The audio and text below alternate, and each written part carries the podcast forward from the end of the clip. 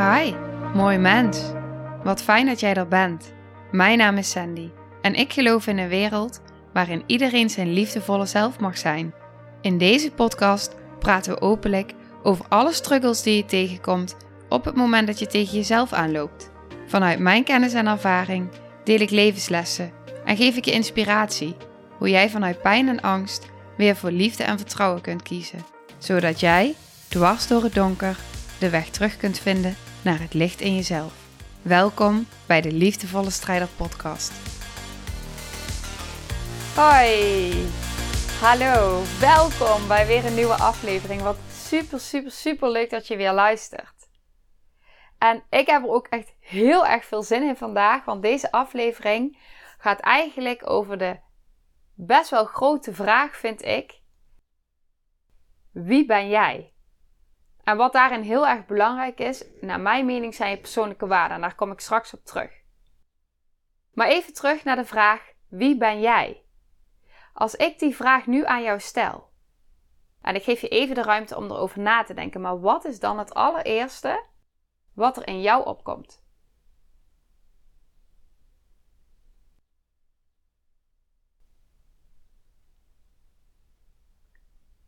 Zijn dat misschien je leeftijd, je naam, je huwelijkse staat?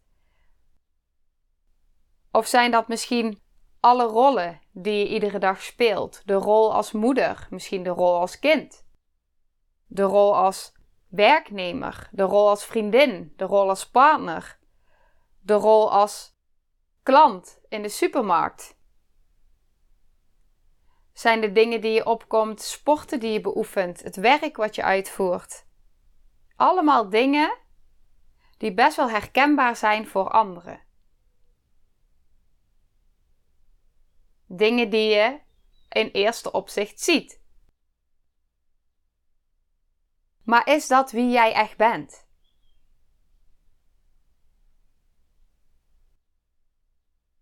Naar mijn mening namelijk niet. Want als ik jou nu zou vertellen van oké, mijn naam is Sandy, ik ben 32 jaar oud, ik woon in Noord-Brabant, ik ben getrouwd met Bram.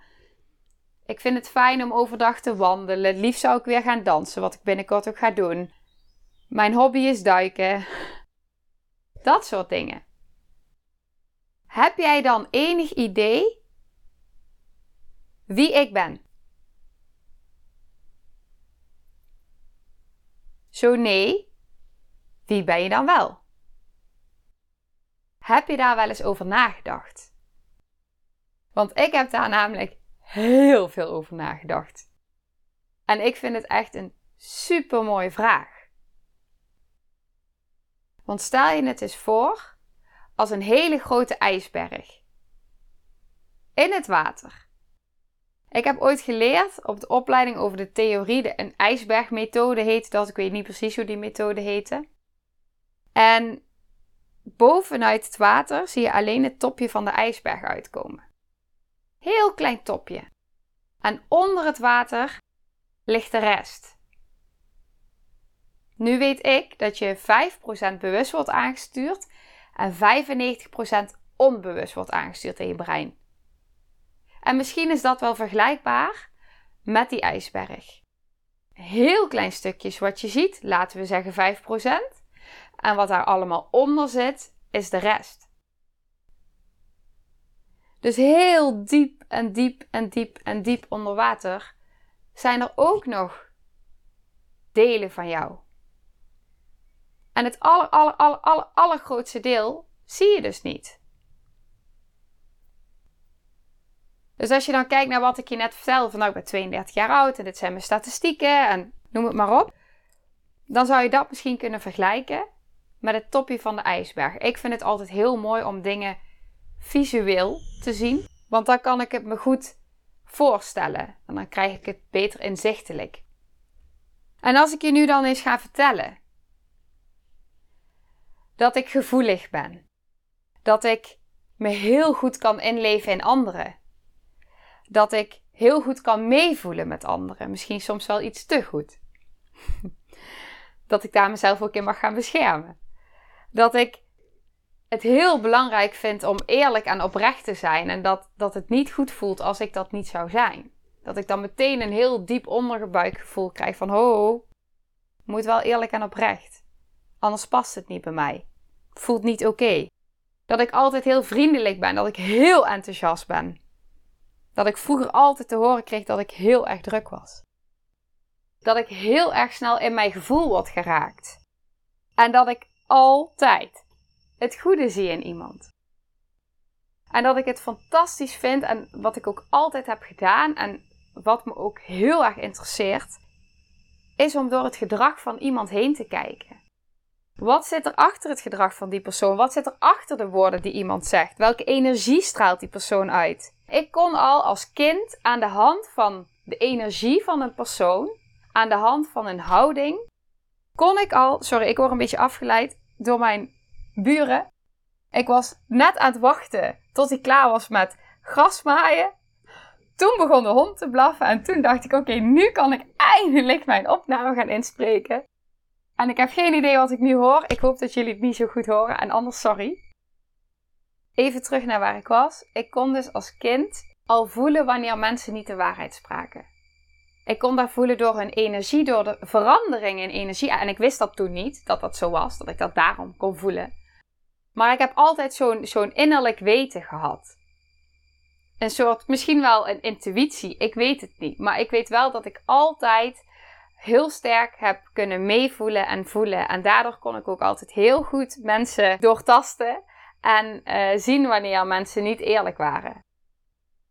Maar goed, om even uh, verder te gaan. Uh, ik kan dus verder kijken dan, wat, dan iemand zijn woorden. Dat is het eigenlijk. En dat heb ik altijd al kunnen. Heb je nu al iets meer een idee wie ik ben? Ik ga nog wat dieper. Mijn hart heeft altijd gelegen in het werken met mensen. Altijd. Ik heb heel lang in zorg gewerkt met kwetsbare mensen. En juist op het moment als iemand overstuur raakte, als iemand paniek kreeg, dan, dan was dat oké. En dan voelde ik juist alleen maar een soort van rust van oké, kom maar, je mag het bij mij laten zien, het mag er zijn. Het is oké. Ik zal nooit veroordelen, ik vind nooit iets raar, ik wil begrijpen. Begrijpen waarom je denkt op de manier zoals je denkt. Wat zit daarachter? Wat zit er onder die top van die ijsberg? Wat is er gebeurd waardoor iemand dingen doet op een bepaalde manier? Je wordt niet zomaar een crimineel. Wat is er vooraf gegaan? Wat heb je meegemaakt? Wat is het verhaal dat zich heeft afgespeeld en nog steeds draait in jouw systeem, in jouw lijf? Dat zijn dingen die mij raken. Wat mij ook heel erg raakt, is dat ik een hele belangrijke waarde heb en dat is gelijkwaardigheid. Iemand in zijn waarde laten. Niemand staat boven de andere. Ik heb altijd heel erg het gevoel gehad dat ik minder waardig was dan anderen. Dat anderen boven mij stonden. Dat ik niet goed genoeg was. Terwijl ik juist vind dat iedereen goed genoeg is. Dus waarom mag ik mezelf niet goed genoeg vinden? Op het moment dat ik hoor dat iemand niet per se verliefd wordt op een man of verliefd wordt op een vrouw, maar verliefd wordt op de persoon, dan raak je mij. Ik vind het prachtig. Ik vind het zo mooi als je op die manier kijkt en voelt in liefde. Dat je verliefd wordt op een persoon, op hoe iemand is. Dan of het nou per se een man of een vrouw is. Who cares? Ik vind het mooi. Gewoon de gedachte dat je verliefd wordt op een mens zoals die is. Zonder daar een label aan te hoeven hangen. Er zijn zoveel labels die ik op mij heb gekregen in mijn leven. Ik denk als ik een dossier van mezelf ga schrijven met alle labels die ik heb gekregen binnen de GGZ, dan zou je vanuit daar ook kunnen invullen wie ik ben en vanuit een bepaalde blik naar mij kunnen kijken. Maar zijn die labels dan wie ik ben? Wat ligt er in die diepere lagen in mij? Is dat dat gedrag? Is dat die labels? Of is dat iets heel anders? Ik denk dus niet in zwart en wit. Maar ik denk in mogelijkheden. Ik denk in kansen. In een grijs gebied. En ik zie altijd, overal het positieve van in. Als kind zei ik al: waar een wil is, is een weg. En is er geen weg, dan zoek ik net zo lang tot ik die weg vind. Desnoods bouw ik er een. Ik ben een doorzetter, ik ben een vechter en ik geef nooit op. Zelfs al wilde ik heel vaak wel opgeven. Ik deed het niet. Ik wilde het wel. Ik voelde het wel. Ik kon niet meer, maar ik ging wel door. En die mentaliteit heeft mij gruwelijk ver gebracht, maar tegelijkertijd heeft hij mij ook tegengewerkt. Tegen mezelf. Maar daar heb ik weer heel veel van geleerd. Dus daar ben ik weer heel dankbaar voor. Dus uiteindelijk heeft het ook weer voor mij gewerkt. En dat is dan weer die positieve gedachte die ik in alles kan zien. Ik geloof dat het leven namelijk voor jou werkt en niet tegen jou. Op het moment dat jij bereid bent om dat te willen zien, om dat te durven zien, om dat te kunnen zien. Vrijheid, liefde, gezondheid, zingeving, onafhankelijkheid. Het zijn waarden die voor mij zo belangrijk zijn. Ik ben niet onafhankelijk. Nog niet. In sommige gebieden ben ik nog niet geheel onafhankelijk. En dat zou ik al willen zijn. En dat ga ik ook zijn. Ik geloof echt oprecht in de kracht van je lichaam. In de kracht van de natuur en de kracht van je mind. Ik zie altijd anderen groter dan zij zichzelf zien. Ik zie mezelf ook niet groter dan dat ik ben.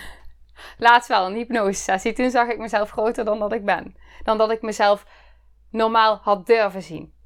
En ik begin mezelf steeds groter te durven zien. Je kunt namelijk zoveel meer dan je denkt. Zoveel meer. En ik voelde me altijd anders dan anderen. Ik heb mezelf daar heel lang over veroordeeld. Maar tegenwoordig niet meer. Ik zie het nu als iets, iets moois, als iets krachtigs. Juist doordat ik me anders voel, juist doordat ik anders ben, zegt ook dat ik uniek ben. En dat ben jij ook, dat is ieder mens. Juist door ons denken onderscheiden wij ons. En juist door dat je uniek bent, dat je jezelf bent, ben je gewoon de persoon die je mag zijn. Je hoeft niet hetzelfde te zijn als iedereen. Zoals Roy Martina het altijd heel mooi noemt: schapen. ja, ga je nog wel een andere keer op in. Maar wat ik dus heel erg bijzonder vind, is dat ons denken ons onderscheidt. En zoals ik ook al eerder in een andere aflevering zei, je denkwijze is de taal die jij spreekt. En de mensen die dezelfde taal spreken als jij, die komen vanzelf op jouw pad. Die resoneren op jouw energiefrequentie. Daar geloof ik in. En dat doet niet iedereen. En ook als dat sommige mensen zijn waar je heel veel van houdt, dan is dat oké. Ik wil denken zoals het goed voelt voor mij. Ik wil niet denken zoals mij is aangeleerd vanuit een onbewust geconditioneerd patroon. Vanuit al die regels die ik mezelf oplegde. Vanuit het moeten wat ik allemaal van mezelf moet. Het doorzetten en het bikkelen op wilskracht. Ik heb nu ervaren dat het anders is. Dat het anders kan zijn. En daar heb ik heel veel werk voor gedaan. En zal ik ook nog altijd blijven doen. Dus dit alles wat ik nu heb gezegd. Dat zie je niet van de buitenkant. Dat zie je pas als je met me in gesprek gaat als je mij leert kennen. Als ik me daarover uitspreek. Het is niet wat je aan de buitenkant ziet. Het zit in een laag dieper. Het zit erachter. Dus als ik nu aan jou vraag: wie ben jij? In die diepere laag. En ik zou je ook echt willen vragen, als je dit interessant vindt, als je meer, als je meer zelfkennis wil, dat is eigenlijk het woord wat ik zocht, dan zou ik je echt adviseren om het eens te gaan opschrijven. Schrijven is echt fantastisch. Schrijf het gewoon eens op. Wie ben ik nou echt? Ga er eens over nadenken. Wie ben ik? Wat vind ik belangrijk? Waar sta ik voor? Waar sta jij voor? Waar geloof jij in? Waar kom je voor op? Wat triggert jou? Wat is jouw karakter? Wat zijn jouw belangrijke persoonlijke waarden? Ik heb net al zoveel voorbeelden gegeven. En dat heb ik gedaan met de bewuste intentie van oké, als ik nu eens vertel wat ik belangrijk vind, waar ik voor sta, wat ik, wat ik geloof, wat mijn waarden zijn. En dit is misschien ook maar weer een heel klein stukje van alles. Maar dit is wat er op dit moment in me opkwam. Hoe zit dat dan bij jou? Het is zo fijn als je dat van jezelf weet. Als je die bewustwording hebt.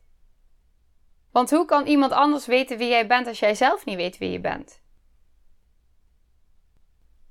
Hoe weet je wat je wil in het leven, waar je naartoe wil, als je niet weet wie je bent? Wat ik nog een belangrijke vraag vind is: wie wil je zijn? Nog veel belangrijker, wie wil je zijn? Want als je weet wie je bent, kun je vanuit daar kijken wie je wilt zijn. Wie wil jij zijn? Ik wil iemand zijn die heel veel zelfvertrouwen heeft. Dat staat bij mij op één. Ik wil mezelf volledig accepteren. Ik wil energiek zijn. En ik heb nog een hele andere lijst met wie ik wil zijn. Wat ik wil voelen. Wat ik wil geven. Wat ik wil ontvangen. Het zijn allemaal dingen waar ik over nadenk. Niet één keer in het half jaar, nee, misschien wel dagelijks. En zelfs hiervan denk ik, het is veranderbaar. En dat is juist het mooie. Als jij nu beseft van oké, ik, ik ben nog onzeker. Het is mooi als je weet dat je onzeker bent. Het is mooi als je weet wat je waarden zijn. Want op het moment dat je sommige dingen wel fijn vindt en sommige dingen niet fijn vindt, dan weet je ook wat je kunt veranderen. Zodat jij een liefdevoller en gelukkiger en meer tevreden leven gaat leven. Want ik geloof dat jouw karaktereigenschappen veranderen. Ik ben niet ieder moment onzeker. Ik ben niet ieder moment vol in positiviteit. Ik ben niet ieder moment enthousiast. Ik ben wel altijd leergierig. dat wel. Maar ik denk ook dat je karaktereigenschappen veranderen. Zoals ik in het begin al zei, er is een periode geweest dat iedereen tegen me zei dat ik zo druk was. Daar hoor ik mensen tegenwoordig niet meer zeggen. Want dat is veranderd. Mijn karakter is veranderd. En zo veranderen ook jouw waarden met jou mee. Zo kan je geloof veranderen. Als je luistert naar mijn aflevering over het geloof, dan hoor je hoe mijn geloof door mijn hele leven heen is getransformeerd. Alles kan veranderen. Dus als je dan nog een laag dieper gaat. Stel je nou voor dat alles wat ik nu net heb gezegd verandert.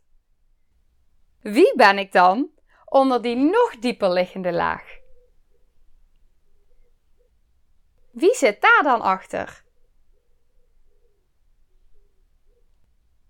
Zo interessant.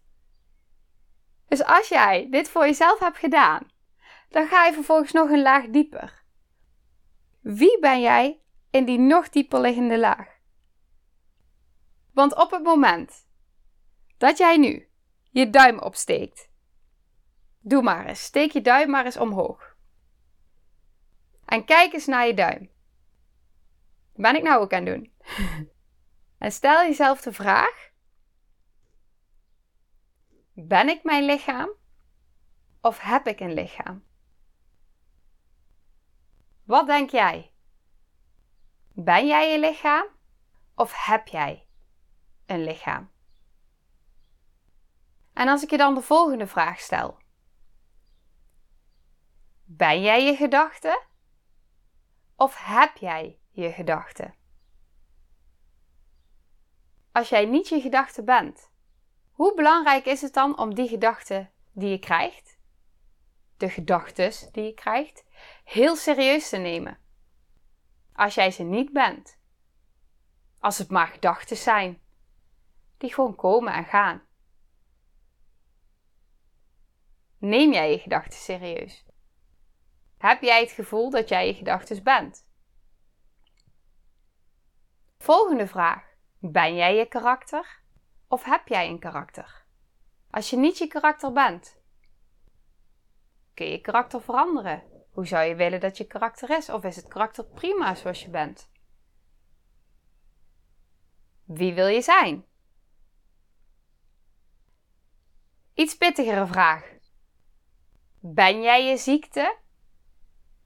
Of heb jij een ziekte? Ben jij je trauma? Of heb jij trauma? Ik vind het allemaal hele interessante vragen om over na te denken. En ik heb daar natuurlijk ook mijn eigen visie over. Maar ik wil die juist bewust nu openlaten. Het niet invullen. Jou niet beïnvloeden daarin. Zodat je daar je eigen gedachten op kunt loslaten. Zodat je het zelf kunt analyseren en erover na kunt denken. Wat jij hierbij voelt en wat jij hierbij vindt. En misschien ook wat voor gevoelens er bij opkomen als ik je zo die vraag stel. Alles wat opkomt, altijd belangrijke informatie. Op het moment dat jij jezelf de vragen daarover gaat stellen. Wat maakt dat ik dit nu zo, zo voel? Wat maakt dat deze gedachten nu zo bij mij opkomen? Wat maakt dat dit mij zo triggert? Ik geloof dat alles in het leven verandert. Ik geloof dat alles komt en gaat, dat alles voorbij gaat. Ik zie het als een golfbeweging. Alles is in beweging. En alles gaat voorbij. En het is aan jou of je tegen de stroming inzwemt, tegen wat is, of dat je meebeweegt met de golven van de veranderingen in jouw leven. Dat dingen om jou heen veranderen, dat mensen in je leven komen en gaan. Dat alles voorbij gaat, dat jij verandert. Soms is verandering niet leuk, maar wel nodig. Dus als we teruggaan naar de vraag: ben jij je lichaam? Of heb jij een lichaam? En ik bedoelde net dat ik niet dieper wilde ingaan op de vraag over ziekte en trauma. Omdat ik dat de belangrijke vraag vind om voor jezelf even zonder mijn visie daarover na te denken. En als ik dan nog iets dieper inga op de vragen die ik net stelde, of dat je je lichaam bent, of je lichaam hebt, of dat je je gedachten bent, of je gedachten hebt. Stel nou dat je zegt nee, ik ben niet mijn gedachte. Nee, ik ben niet mijn lichaam. Wie ben je dan wel? Wie zit daaronder? Wie kijkt er vanaf die afstand naar je gedachten? Je ziel? Je hogere zelf? Een hoger bewustzijn? Denk er maar eens over na. Als je wil. Als we nu teruggaan naar die laag, die net onder het water ligt. De laag aan de hand waarvan ik net mijzelf aan jou voorstelde. De tweede keer dan hoorde je daar heel veel persoonlijke waarden in terugkomen. En daar wil ik nu dieper op ingaan. Zoals ik in het begin van de aflevering al zei, ik wil dieper ingaan op het stukje persoonlijke waarden. En wat het voor jou kan betekenen op het moment dat jij weet wat jouw persoonlijke waarden zijn. Want persoonlijke waarden zeggen heel erg veel over jou. Over wat je belangrijk vindt, wat je gelooft, waar je voor opkomt waar je voor staat en misschien zelfs wel waar je voor strijdt. Ik denk op het moment dat jij weet wat je persoonlijke waarden zijn, dat je al heel veel over jezelf weet. Hou je van zekerheid? Of vind je vrijheid belangrijk? Dat is dan een heel groot verschil. Zekerheid en vrijheid. Heel groot verschil. Kijk, op het moment dat jij weet dat jij bewust bent van jouw persoonlijke waarden, kunnen ze jou namelijk ook helpen. Ze kunnen je helpen in het maken van moeilijke keuzes. En dat is echt waar. Want stel je nou eens voor met het voorbeeld wat ik net gaf. Jij vindt het heel belangrijk om veel vrijheid te ervaren. Vind je echt super belangrijk. Maar je werkt bij, voor een baas. Jouw tijden worden ingepland van 9 tot 5. Je krijgt gestructureerd door wat je op een dag moet doen. Aan de hand van een planning. En er is op geen enkele manier ruimte voor jouw vrijheid. Niet in het werk wat je doet, doordat alles gestructureerd is. En zelfs niet in jouw werktijden. Denk jij dat jij gelukkig gaat worden van die baan? Op het moment dat jij weet dat jij die vrijheid zo belangrijk vindt, dan ga je begrijpen en inzicht krijgen waarom dat je zo struggelt op je werk misschien. Misschien vind jij ook gezondheid heel erg belangrijk, maar is het onmogelijk om binnen jouw werk gezond te eten? Heb je geen tijd in de pauze om een rondje buiten te wandelen? Zit je de hele dag? Als al die dingen allemaal samen meespelen, misschien is er geen kans op doorgroeimogelijkheden, maar ben jij juist heel erg leergierig, vind jij succes belangrijk? Gaan die dingen jou dan gelukkig maken? Als al die waardes gaan knellen met iets wat je iedere dag doet, misschien zelfs wel 40 uur in de week. Ander voorbeeld. Stel je voor, jij krijgt een partner. En jij bent smoorverliefd op die persoon. Maar jij merkt, en we houden nog even dezelfde voorbeelden aan. Jij vindt vrijheid belangrijk, jij vindt succes en groei belangrijk, jij vindt je gezondheid belangrijk. Maar die partner van jou, die staat op met een blik Red Bull. Die eet het liefst iedere dag McDonald's, die vindt wandelen onzin. Die heeft geen behoefte om, om verder te leren. Die vindt het op vakantie gaan liever niet vrijheid, maar gewoon alles vastleggen. Een hele planning maken. Snap je wat ik bedoel? Dat gaat wrijven. En is dat op één puntje, dan kun je misschien schikken. Een relatie is natuurlijk ook geven en nemen. Maar is dat op heel veel punten waarop jouw waardes continu worden weggedrukt, waar jij continu jouw waardes moet aanpassen aan of de werksituatie, of jouw partnersituatie, of een andere situatie, dan zorgt dat innerlijk in jou voor een conflict. Maakt jou dat gelukkig? Nee. Je ervaart geen rust meer in je systeem, want je zit continu in jouw systeem in een conflict. Dus hoe belangrijk is het dan om te weten wat jouw belangrijke waarden zijn? En om te weten wat die belangrijke waarden van die ander zijn. Op basis om vanuit daar keuzes te maken. En misschien zijn dat soms hele moeilijke keuzes. Keuzes die je op korte termijn heel veel verdriet doen. Maar als die waarden, jij, als jij die zo diep van binnen voelt, en ja, zeker kunnen waarden veranderen. Absoluut. Ik heb nu veel meer behoefte aan vrijheid dan vroeger. Vroeger had ik juist behoefte aan controle. En aan zekerheid en aan veiligheid. Had ik het liefst alles uitgestippeld en gepland en georganiseerd. En, uh, zodat ik mij veiliger kon voelen. In die zekerheid, in die controle die ik dacht te hebben. Want ik heb daarvan geleerd dat dat helemaal niet zo is. Maar dat wist ik toen niet. Dus mijn waarden waren toen heel anders dan nu. Ik vond gezondheid veel minder belangrijk dan nu. Bij mij staat gezondheid nu gewoon bovenaan op nummer 1. Zonder mijn gezondheid heb ik geleerd, heb ik ervaren. Zonder mijn gezondheid is er niks. Want op het moment dat ik niet gezond ben, dat ik niet functioneer, functioneert alles daaromheen niet. Daardoor heb ik geleerd om mijn gezondheid op één te zetten. En vanuit daar komt de rest. Had jij mij dat tien jaar geleden gevraagd, had gezondheid echt niet op één gestaan. Echt niet. Ik weet niet eens of ik er überhaupt wel over na had gedacht. Misschien ergens, en hij had er vast wel tussen gestaan, maar niet zo hoog. Dus het verandert. En daarom is het goed om dit zo af en toe eens een keer te doen. Ik heb echt letterlijk een post-it bij mijn bureau hangen met mijn zeven belangrijkste waardes. En op het moment dat ik dan of even een makkelijke keuze moet maken of er is iets, dan kijk ik even naar mijn waarden en denk ja, dat is wat ik belangrijk vind. En natuurlijk weet ik dat wel. Maar ik zie het iedere dag. En dat helpt. Ik ga deze aflevering afronden.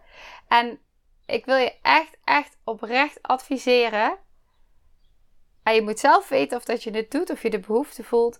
Maar ga eens kijken wat jouw belangrijkste waarden zijn. En ik zal even een post maken op Insta met daarin een aantal uh, belangrijke persoonlijke waarden zodat je alvast een voorbeeldje hebt om te kunnen zien van, oh, want ik zal er wel een, flink aantal inzetten.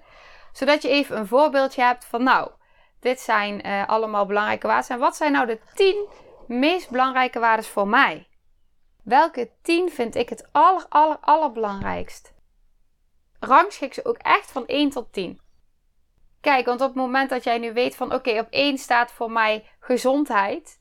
En jij komt dadelijk weer voor een bepaalde keuze. Dan kun je ook in, die, in dat gerangschikte lijstje. Kun je ook zien van oké, wat vind ik nu belangrijk? Oké, ik, ik wil een nieuwe baan. Nou, er zijn twee opties. Oké, waar komt mijn mijn waardes het meest tot recht? De allerbelangrijkste. Waar komen die het meest tot recht? Is dat bij die baan of bij die baan?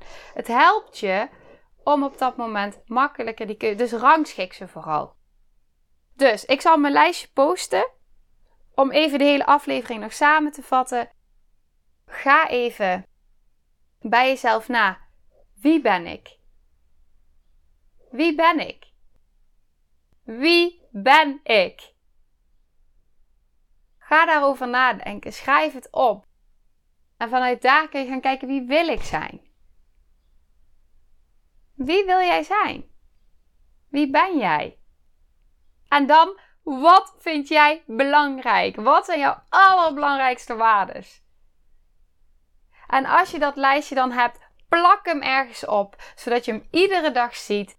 En controleer gewoon af en toe. En dat hoeft echt niet iedere week en ook niet iedere maand. In mijn pad één keer in het halfjaar of in het jaar. En check even van, is dit nog wel zo? Of is het veranderd? Of mag er net iets anders nu op één komen te staan? Gun jezelf dat. Om dat voor jezelf te doen. Nou, ik wens je heel veel succes. Ik zou zeggen, als je een post-it hebt gemaakt met jouw belangrijkste waarden, maak even een fotootje en deel die met me, want dat vind ik echt super leuk. Of je deelt hem op je Insta, op je verhaal, nog leuker. Je mag hem ook met mij delen, wat jij fijn vindt. Maar ik word daar in ieder geval heel erg vrolijk van om dat terug te zien. Om te kijken wat nou jouw belangrijkste waarden zijn. En andere dingen mag je natuurlijk ook altijd met mij delen. Als je vragen hebt, opmerkingen, ergens meer over wilt weten. Voel je vrij om mij dat berichtje te sturen, want het is ontzettend welkom. En als laatste, om nog af te sluiten, als ik je één dingetje mag vragen, één dingetje, zou je dan alsjeblieft een review willen achterlaten voor mij op iTunes? Heb je geen iPhone? Zorg dat je een iPhone in handen krijgt en schrijf de review. Daarmee help je mij echt ontzettend en ook alle andere luisteraars. Ik zou het echt super tof vinden om, uh, om dat terug te zien. Dus uh, daar zou je me heel veel plezier mee doen. Nou, hartstikke bedankt voor het luisteren. En uh, ik ben heel erg benieuwd naar ja, wat je inzichten uit deze aflevering zijn geweest. Dankjewel. Nou, lieve mensen, ontzettend bedankt voor het luisteren. Als je het leuk vindt, kun je de aflevering delen. Of maak een screenshot en tag me op Instagram. Want ik vind het echt super tof om te zien wie er luistert. De link van mijn Instagram staat in de beschrijving bij de podcast. En wil je blijvend geïnspireerd worden? Klik dan op abonneer of volgen in de podcast-app waarmee je luistert. Dat zouden ik en alle toekomstige luisteraars enorm waarderen. Want dat zorgt er namelijk voor dat de podcast beter gevonden wordt. Nogmaals, dankjewel voor het luisteren en heel graag tot de volgende aflevering.